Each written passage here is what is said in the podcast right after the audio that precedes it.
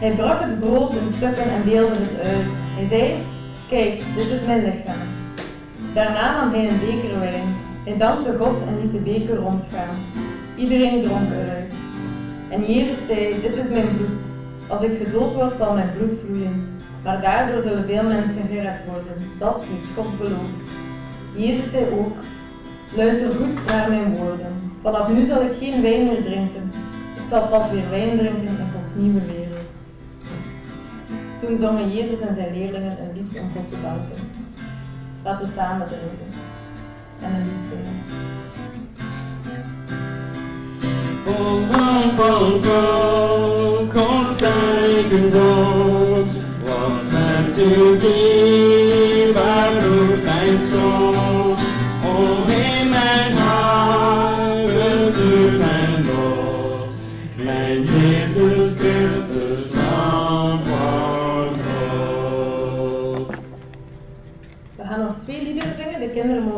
zeggen. We zingen nog een lied met de volwassenen en dan het kinderlied van de maat.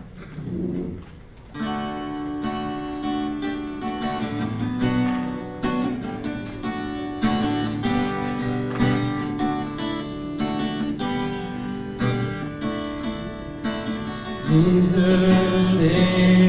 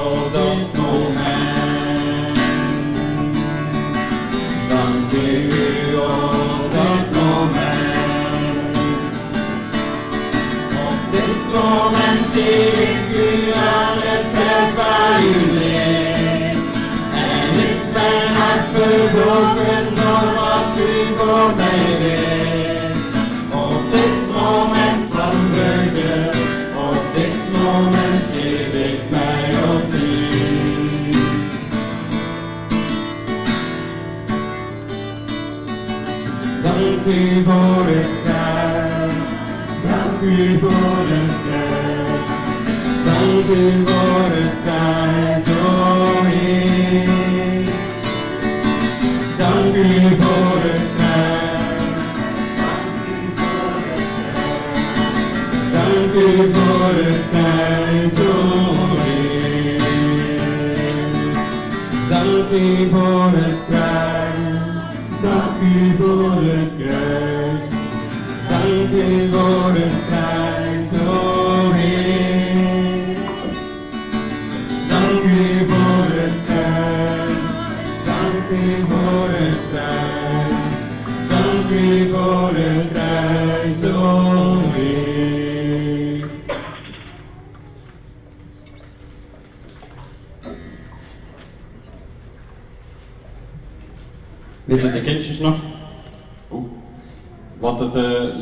was. Wat kwam er in voor? Wat kwam er in voor? Een? Ja, zeg maar. Een trein. En waar ging de trein?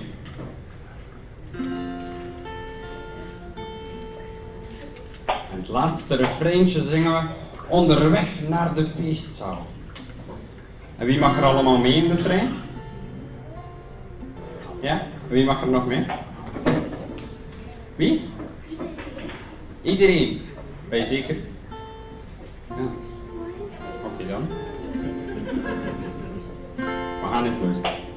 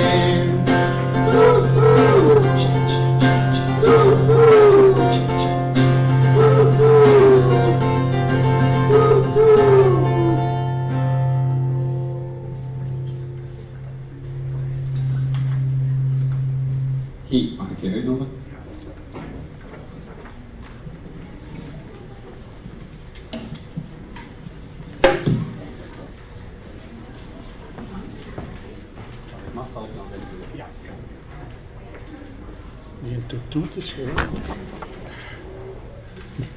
Met een getipt goed. Heer, wilt u... Heer, wilt u Guy zegenen? Eh, wilt u hem rust geven? Eh, wilt u hem vervullen met uw geest, geven? De zekerheid geven van uw woord? En eh, wilt u hem laten spreken naar iedereen hart, Amen. Is er afstandsbediening? Ja, ik zal het halen. Ja. Ik ga even wat plaats maken. Ik heb eh, mijn vriendje mee.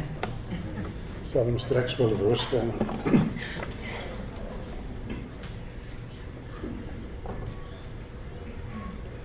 Ik wacht even op de afstandsbediening.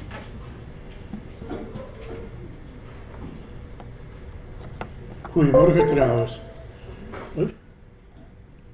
Goedemorgen.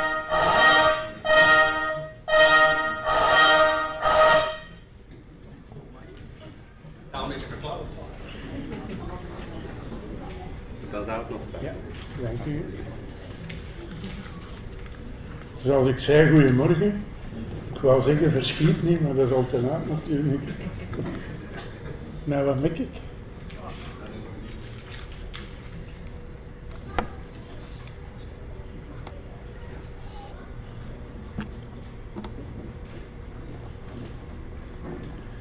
Anders zeg ik klik en dan klikte jij maar. Hè. Er zijn nog momenten waar je dat moet doen, dat is wel raar voor het.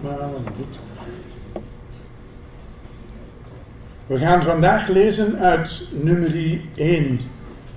En ik weet dat de mensen, veel mensen al direct in slaap vallen als ze die een titel horen, maar het is een zeer boeiend boek. Dus je moogt eh, klikken en de tekst volgen.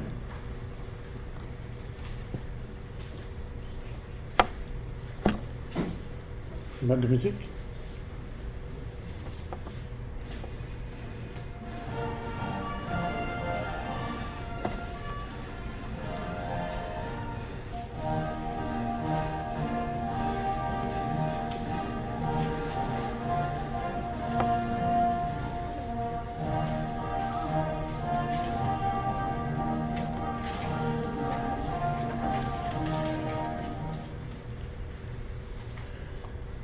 De eerste dag van de tweede maand in het tweede jaar na het vertrek van de Israëlieten uit Egypte richtte de Heere zich in de Sinaï-woestijn tot Mozes.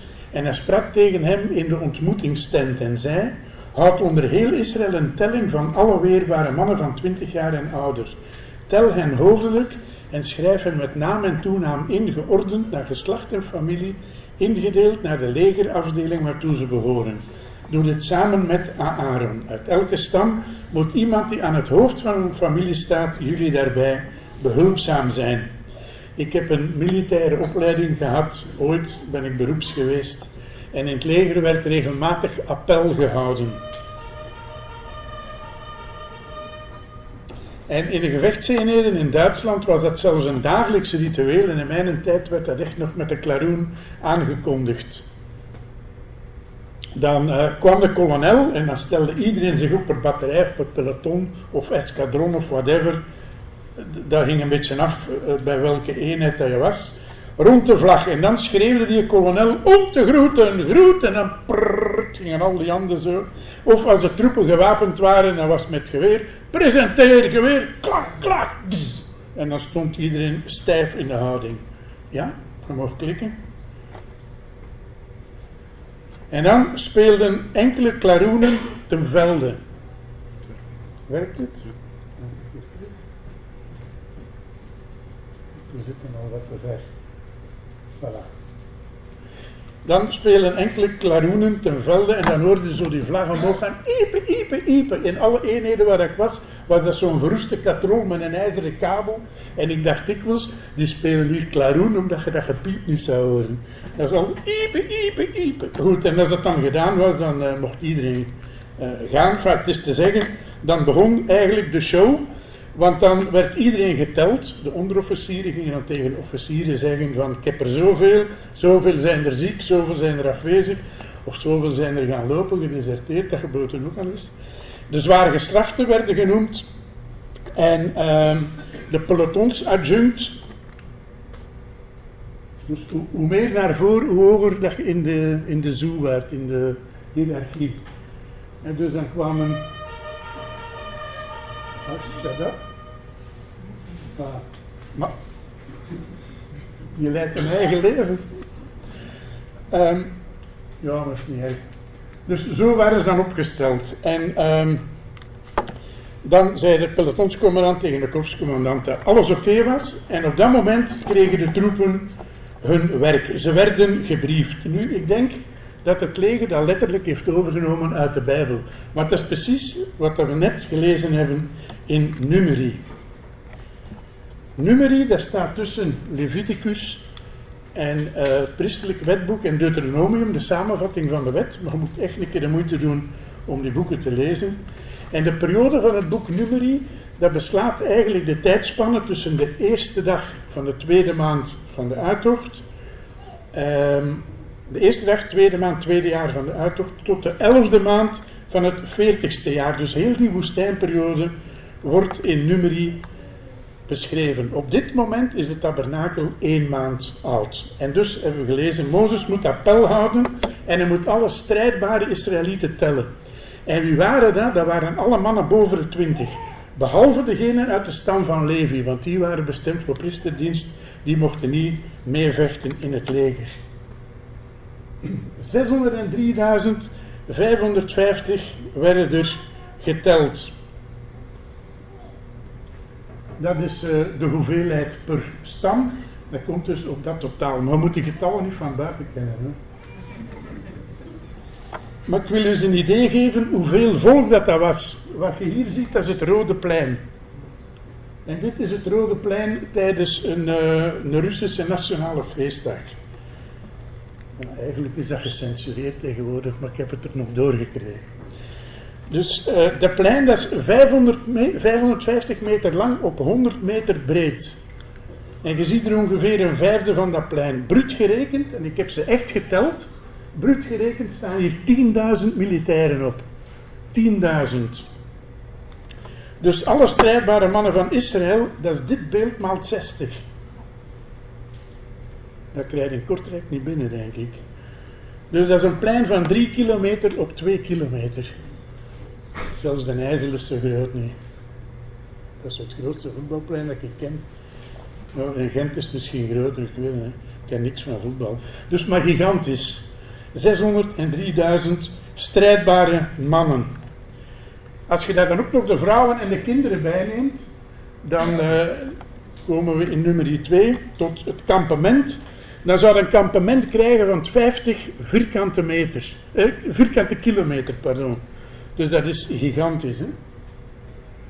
In nummer 2 wordt gezegd waar dat iedereen in het kamp hem moet opstellen. Dat is natuurlijk een heel sumier schetsje, want in Techt was dat mega veel groter.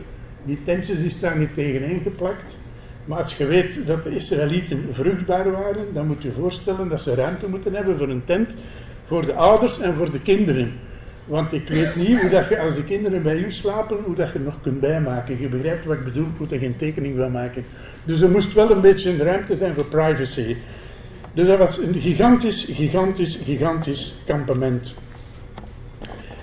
In hoofdstuk 2 krijgen we dus te lezen waar dat iedereen hem moet uh, rond de uh, tent van samenkomst moet gaan legeren.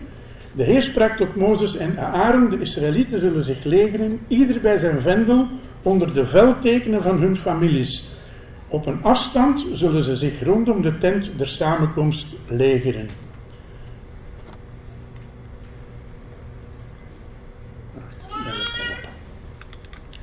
Dus dat klinkt echt heel, heel militair. In nummer 3 en 4 worden ook de levieten geteld. Hè. We hebben dus al de strijdbare mannen geteld, maar in nummer 3 worden de levieten geteld. Eerst die van één maand en ouder. Dat was voor de lossing van de eerstgeborenen. En dan waren er 22.000. En daarna werden die van 30 tot 50 jaar geteld, zij die actieve dienst moeten doen. Dus in Israël mocht al van uw 50ste op pensioen. Dat was cool, hè? En dan waren er 8580. En als het goed is. Laat de stam Levi aantreden, stellen voor het aangezicht van de priester Aaron, opdat ze hem dienen. En ze zullen hun taak vervullen te zijn behoeven en ten behoeve van de hele vergadering voor de tent van de samenkomst. Door de dienst bij de tabernakel te verrichten. Zij zullen zorg dragen voor al het gerei van de tent der samenkomst en hun taak vervullen te behoeven van de Israëlieten door de dienst bij het tabernakel te verrichten. Je zult de Levieten schenken aan Aaron en zijn zonen. Uit de Israëlieten zullen deze hem onvoorwaardelijk geschonken zijn. Maar aan Aaron en zijn zonen zult je opdragen hun priesterambt waar te nemen. Door de onbevoegde die nadert, zal ter dood gebracht worden. Dus iedereen van het volk die kreeg zijn portie van het werk. Alleen Aaron en zijn zonen die moesten dat priesterschap verzorgen. Zij waren verantwoordelijk voor offerdienst. En enkel en alleen de levieten waren verantwoordelijk voor de tabernakel en al het werk dat ermee te maken heeft. De levieten waren ook verantwoordelijk voor het werk buiten het heilige en buiten het heilige der heiligen. Want in die twee gedeelten mochten alleen priesters komen. En dan staat erbij, elke onbevoegde die nadert, die zal ter dood gebracht worden. Dus het was in die tijd wel redelijk belangrijk, redelijk belangrijk dat je wist wat je job was. Want het kon wel eens gebeuren als je het verkeerde deed, dat het gedaan was met je. Het was heel belangrijk om je exacte taak te kennen. Het was een zaak van leven of dood. En door de geschiedenis heen zien we eigenlijk dat de Levieten allerlei taken hadden. Ze waren zangers, ze waren muziekmeesters. In de tempel waren er 3712 Levieten die zich met de muziek bezig hielden. Hier waren er vier. Dus uh, er is nog ruimte voor groei. Maar uh, die waren niet alle 3700 daar tegelijk.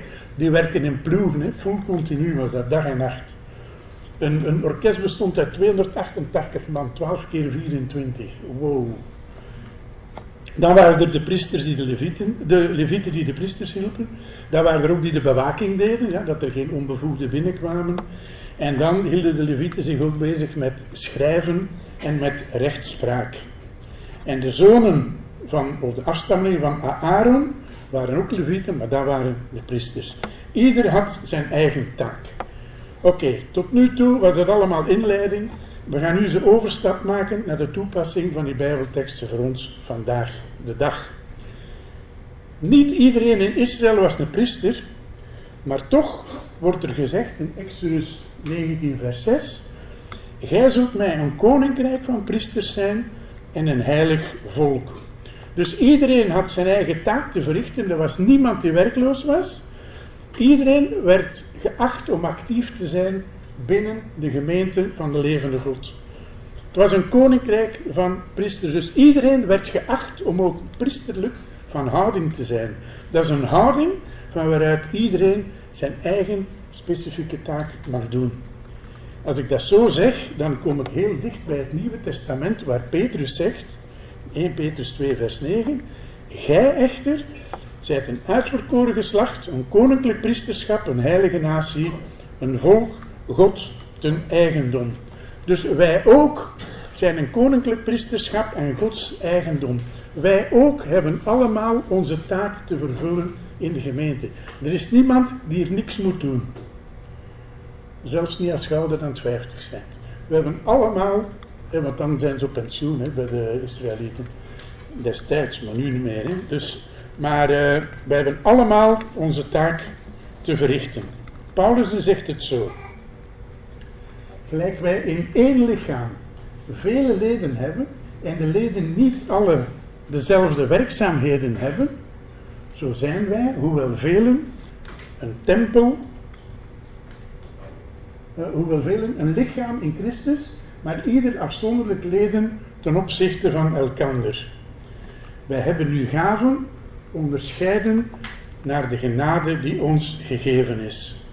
Dus het koninklijk priesterschap in het nieuwe verbond, dat is het lichaam van Christus. En dat lichaam, dat zijn we allemaal samen. En Jezus Christus zelf is daar het hoofd van. Nu, als ik denk aan het lichaam van Christus, aan de gemeente van Christus, het nieuwe verbondsvolk, dan denk ik automatisch aan dat oude verbondsvolk van God, Israël.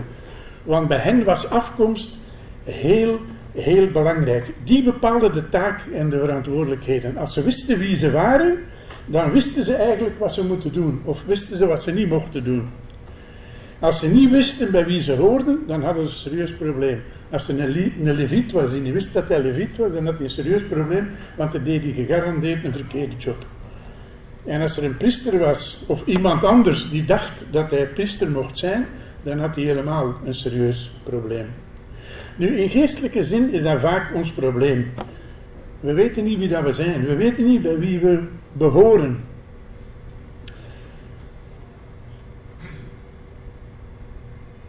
Heel wat mensen die zijn verlamd door het idee dat ze op een of andere manier moeten ingeschakeld worden in de gemeente. Maar ik kan dat toch niet, ik ben er niet toe in staat. Ze vinden zichzelf niet goed genoeg. En ze vinden zichzelf niet bekwaam of mensen zijn bang om het niet te kunnen. En waarom is dat? Omdat we onze positie in Christus niet genoeg kennen. Zoals de Israëlieten exact moesten weten tot welke stam en welke slag ze behoorden, moeten ook wij weten wie wij toebehoren. In de tijd zei God tegen Israël: Ik heb u bij uw naam geroepen. Gij zijt van mij. Wel, vandaag zegt God dat ook tegen ons. Ik heb u bij uw naam geroepen, gij van mij.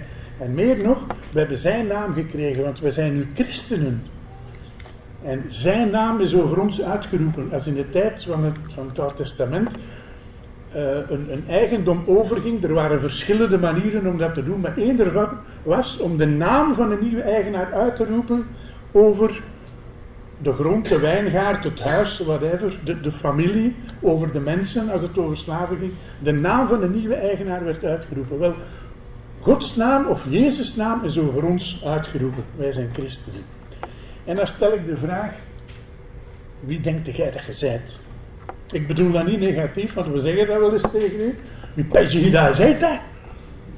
Pijs je daar? Maar zo bedoel ik het niet. Gewoon de vraag: wie denkt u ten diepste dat u bent? Een arendskuikertje dat opgegroeid is bij de kippen, dat weet allicht niet dat er kan vliegen. Dat is logisch, hè, want die heeft dat nooit gezien. Het is maar op het moment dat die arend doorheeft dat hij geen kieken is, dat hij snapt, ah, ik kan wel vliegen. Robert Schuller die vertelt het verhaal van een bankier die altijd een geldstuk gaf aan een bedelaar. Die had er zo'n potteke staan. En eh, twee pottekes, één voor geld en één met potlozen. En eh, in tegenstelling tot de meeste mensen wilde die bankier altijd, als hij geld gaf, ook echt een potlood krijgen. De meeste mensen smeten daar wat in. Dat was gelijk vroeger met die thuisloze krant. Ik weet niet of je dat nog geweten hebt, of de dakloze krant. Veel mensen gaven iets, maar ze kochten die krant niet, want dan moesten ze dat lezen. Nee, die een bankier die zei: Ik doe zaken met u. Ik geef u geld, ik koop iets van u. Ik, ik, ik sponsor u niet of zo. Ik geef u geen aanmoest, ik koop een potlood van u. En jij bent een handelaar. En ik wil altijd goed materiaal krijgen van de handelaars waar ik mee werk. En op een dag was een bedelaar niet meer te bespeuren. De tijd ging voorbij en een bankier dacht eigenlijk niet meer aan die man. Tot er op een dag in een grote mall, het was in Amerika, in een mall was, zo'n gigantische shoppingcenter, zo gelijk, gelijk maar dan maal zeven of zes, dus misschien ook al groot genoeg. Uh, dus zo'n mega shoppingcenter en uh, je hebt er ook altijd zo wat kleine winkeltjes. En die bankier, die kijkt en hij ziet er zo een winkeltje met schrijfwaren en daar is die een bedelaar. En uh, hij gaat daar binnen en, die een bedelaar zegt, oh, ben ik blij dat ik u zie. Ik hoopte altijd dat ik u nog een keer zou terugzien. Hij zegt, want jij bent de belangrijkste oorzaak waarom dat ik dat winkeltje heb. Jij zei steeds tegen mij dat ik een handelaar was. En ik begon anders over mij te denken, niet meer als bedelaar, maar als handelaar. En ik heb doorgegaan, ik ben potloden beginnen verkopen en massa's potloden en nog meer potloden.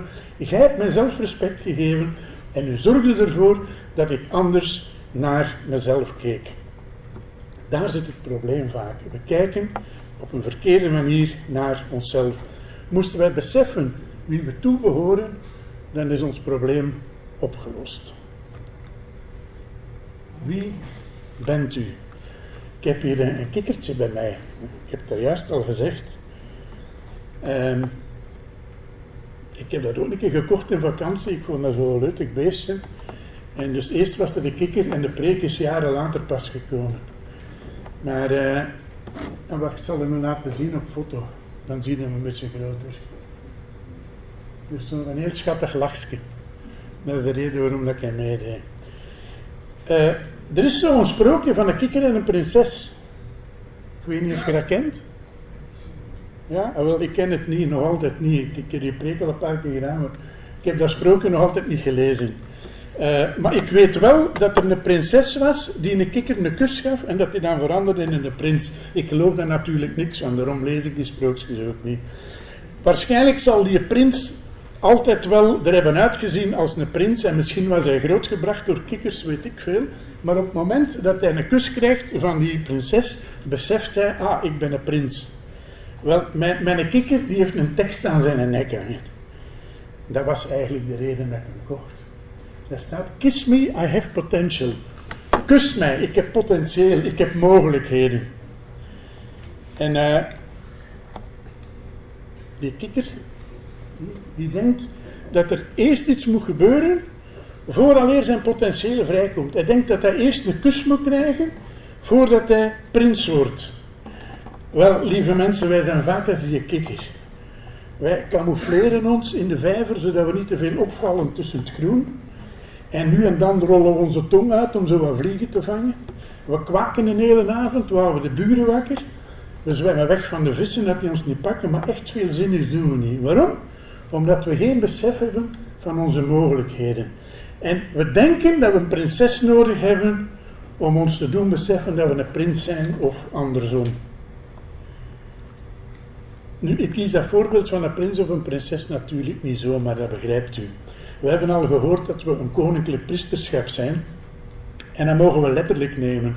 Onze Heer is niet alleen Heer der Heren, hij is ook de koning der koningen. En onze hemelse Vader die is de absolute koning. En de Bijbel leert ons dat God zich niet schaamt om ons zijn kinderen te noemen. Dus om ons prinsen en prinsessen te noemen.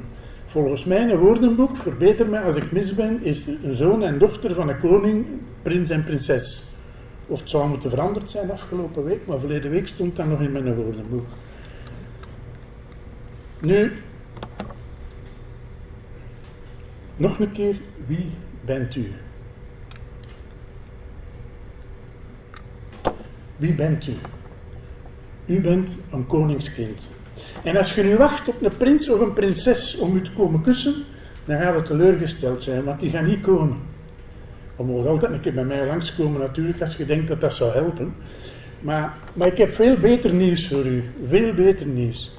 De koning zelf, niet de prins of de prinses, de koning zelf is al langs geweest en die heeft u gekust. En de Heilige Geest wil u overtuigen dat u een koningskind bent. De gemeente van de levende God, het lichaam van Jezus, bestaat uit prinsen en prinsessen, uit anders niks, uit koningskinderen. En Paulus, die beschrijft ons in 1 Korinthe 12 hoe dat lichaam van koningskinderen toegerust is om zijn taak te volbrengen. Wat ik heb u gezegd dat ik praktisch ging maken, wat we er juist gelezen hebben in Numeri. En die Numerieten, allee, die, die uh, Israëlieten in Numeri, die hadden allemaal een taak, die hadden allemaal iets te doen. Wel, in het nieuwe verbond is dat niet anders. In de gemeente is dat niet anders. Kijk, Paulus, die schrijft in 1 Korinthe 12, er is verscheidenheid van genadegaven, maar het is dezelfde geest. Er is verscheidenheid van bedieningen, het is dezelfde Heer. Er is verscheidenheid van werkingen, maar het is dezelfde God die alles in allen werkt.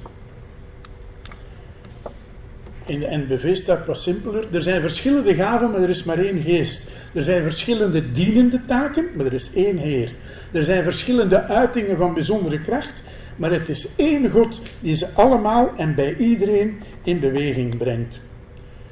Dus in iedereen is de geest zichtbaar aan het werk ten bate van de gemeente. Alweer, volgens mijn woordenboek, betekent iedereen, niemand uitgezonderd. Iedereen, inclusief. Verbeter mij als ik mis ben. Ik gebruik de vandalen. Dus net zoals de Israëlieten in Numeri allemaal een taak kregen, soldaat, priester, dienaar enzovoort, krijgen ook wij allemaal een taak opgedragen. Nu, Paulus geeft hier in dat ene vers enorm veel informatie door en vervolgens gooit hij dan alles door elkaar. Dat, is typisch Paulus. Die schrijft niet echt systematische theologie, die denkt aan iets en, en dan maakt hij zo'n sprongje naar elders en dan komt hij weer op zijn volgende punt, maar dan is hij twee bladzijden verder. Dus in dit ene vers geeft hij enorm veel informatie. Hij spreekt over genadegaven, over bedieningen en over werkingen. Ik ga proberen om dat iets systematischer uit te leggen. Genadegaven, bedieningen en werkingen. Als je het in het Grieks hoort, dan ga je veel beter snappen wat het betekent.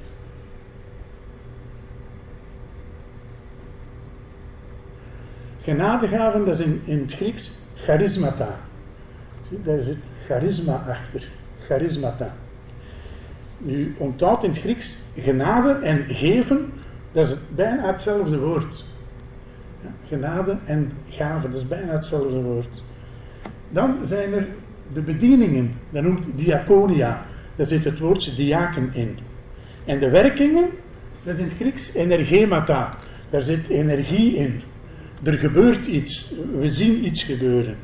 Nu, in de gemeente heb je een aantal diaconia, dus bedieningen, zoals profeet, oudste, diaken, apostel, leraar, evangelist, herder.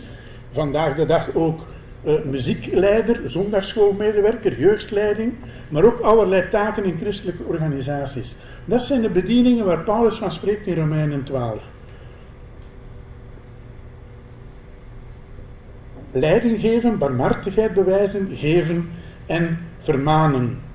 Nu, om een bediening te kunnen uitvoeren, heb je een aantal gaven nodig. En dan komen we bij die charismata. Als je onderwijst, dan moet je de gave van onderwijs hebben, dat is nogal logisch. Maar als je barmhartigheid bewijst, dan krijg je de gave van blijmoedigheid. Als je zo'n hele dag moet luisteren naar mensen met problemen, dan is het wel meegenomen dat je een beetje zelf blijmoedig bent. En dat je niet zwaarmoedig wordt. Je zou er depressief van worden. Nee, maar zeer belangrijk. Uh, letterlijk staat er dat je hilariteit krijgt. Hilaros, het Grieks. Blijmoedigheid.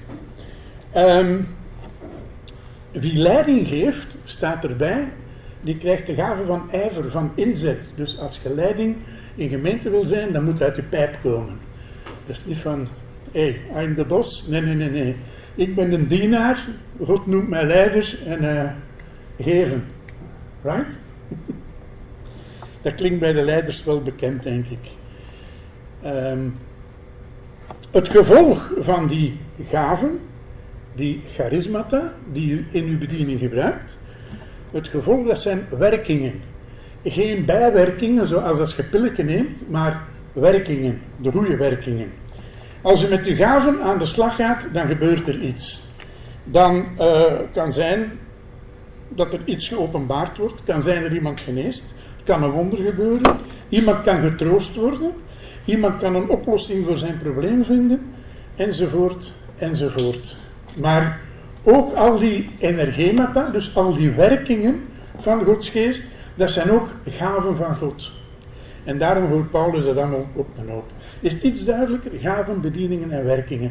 Dus we hebben allemaal een bediening. Om die bediening te kunnen doen, krijg je gaven. En als je die gaven in gang zet, dan gebeurt er iets. Dat is wat dat Paulus zegt in 1 Korinthe 12. Moeilijker is dat niet. Maar of dat nu duidelijk is of niet, het op aankomt is dat u uw plaats moet innemen, dat u uw taak moet opnemen. U heeft het potentieel. Dat heeft vervolgens in een donkerder kleur moeten doen. Ja, bij, ons in de kerk is dat ook zo altijd. Dat die kleuren niet goed overkomt. Met scherm is dat magnifiek. Maar uh, goed, u hebt het potentieel. En waarom hebt u het potentieel? Omdat u charisma heeft ontvangen. U hebt genadegaven van God gekregen. Ieder onder u. En we hebben allemaal een andere mix gekregen. Dat kunnen de meest uiteenlopende combinaties zijn. Maar u hebt genadegaven gekregen. God heeft u toegerust. Dus je moet niet zoals onze kikker wachten met een bordje aan uw nek. Kiss me, I have potential, kus mij, ik heb mogelijkheden. Ik zeg het nog eens, de koning is al bij u langsgekomen. En heeft gezegd, ik heb u bij je naam geroepen, bent van mij, ik zie u graag, jij bent mijn kind. En ik maak u bekwaam. En daaraan ontlenen wij ons potentieel. Onze mogelijkheden die komen van God. Niet van onszelf, die komen van God. En dat is zo mooi bij God. Hij geeft niet alleen een opdracht, maar geeft ons ook alles wat we nodig hebben om de opdracht goed te kunnen uitvoeren. Als God ons vraagt om ons te laten heiligen, dan geeft Hij ons de kracht om dat te laten doen, maar Hij geeft ons tegelijk de Heilige Geest om ons in dat proces te ondersteunen. Ja, God die, die vraagt niet zomaar iets. Als Hij iets vraagt, dan geeft Hij er ook altijd alles bij wat je nodig hebt. God geeft je nooit een auto zonder benzine. En hij geeft je ook niet een auto met een volle tank één keer. Nee, hij geeft je een auto met een tankkaart. Begrijpt u wat ik bedoel? Zodanig dat je kunt blijven rijden. En met een onderhoudscontract. Zo werkt het bij God. Als hij je roept, dan zorgt hij dat je alles krijgt wat je nodig hebt. 1 Thessalonicense, we zijn er ver door. Hè. 5 vers 24, daar staat, hij die roept is getrouw, hij zal het ook doen. En getrouw is zonder D. Die u roept is getrouw. Trouw is een beter woord eigenlijk, dat is zo oud Nederlands. Hè. Je kunt u rap spreken. Hè. Dus God roept u en hij is trouw, hij zal het ook doen. Ik wil afsluiten met een one-liner van twee regels. God die roept niet wie bekwaam is. Maar God maakt bekwaam wie hij roept. Heb je? Dus je moet niet denken, ik kan dat niet. Ja, natuurlijk. Dan, als, als je denkt, ik kan dat niet, dan zijn je in de beste positie om voor God te gaan werken. Dat is het ideaal. Want dan heeft hij alle ruimte om je toe te rusten. Je kunt het inderdaad niet, maar God kan het. Dus God roept niet wie bekwaam is, maar God maakt bekwaam wie hij roept. En daarom zie je, als mensen in een bediening geroepen worden, dat die er ook in groeien met de jaren. Ja, je, blijft niet staan, je groeit daarin. Goed. Wat hebben we deze morgen geleerd? Ten eerste, nee, nee, die kok heeft dat van mij overgenomen. Hè. Ik, ik zei dat ik gebruikte dat systeem al voordat hij dat op tv deed. Hoe noemt hem? Uizentruid? We zijn allemaal geroepen om te dienen. Oei. Amai, normaal waar dat zo. is niet erg. U bent een koningskind en hebt potentieel. Dus u hebt de gave gekregen. En hij die u roept, maakt u bekwaam. Amen. Laat ons nog samen bidden. Je zou er je kluts van kwijt zijn. Ja.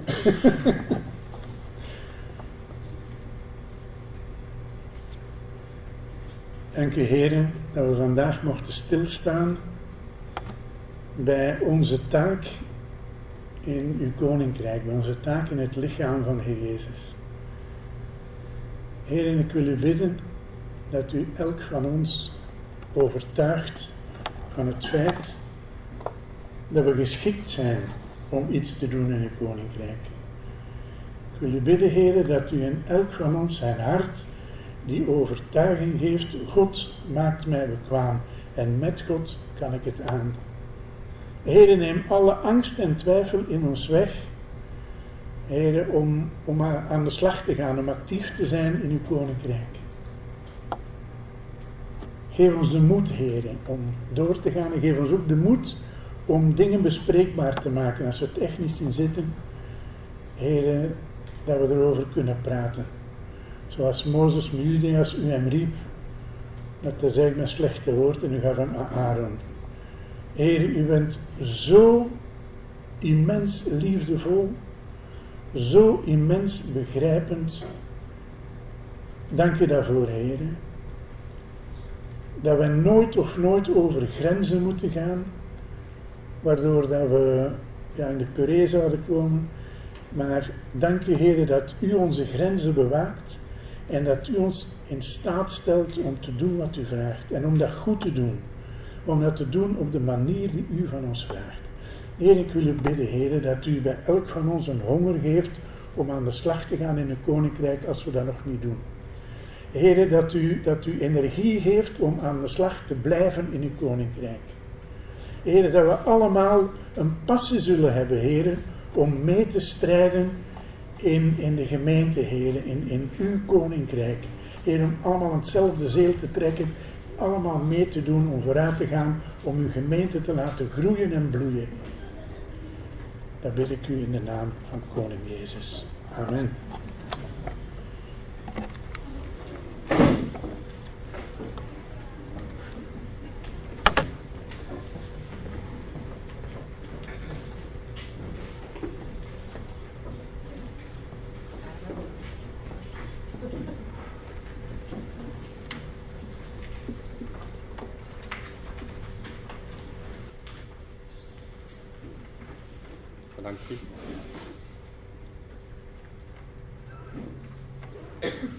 Gaan eh, nog vier liederen zingen.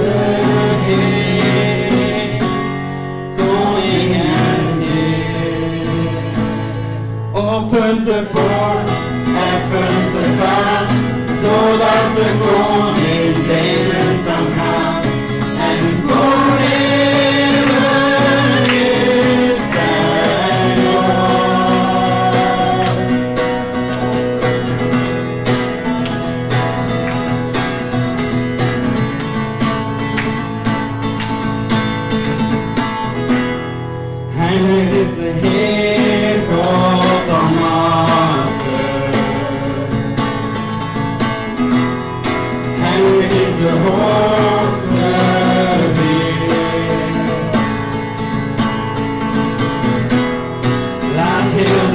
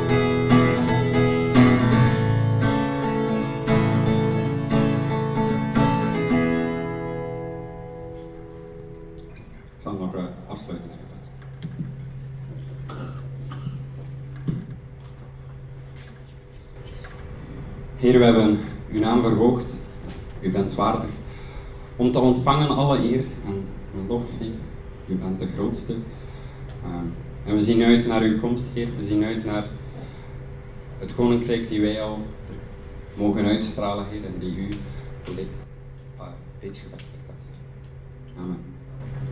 Iedereen een fijne zondag.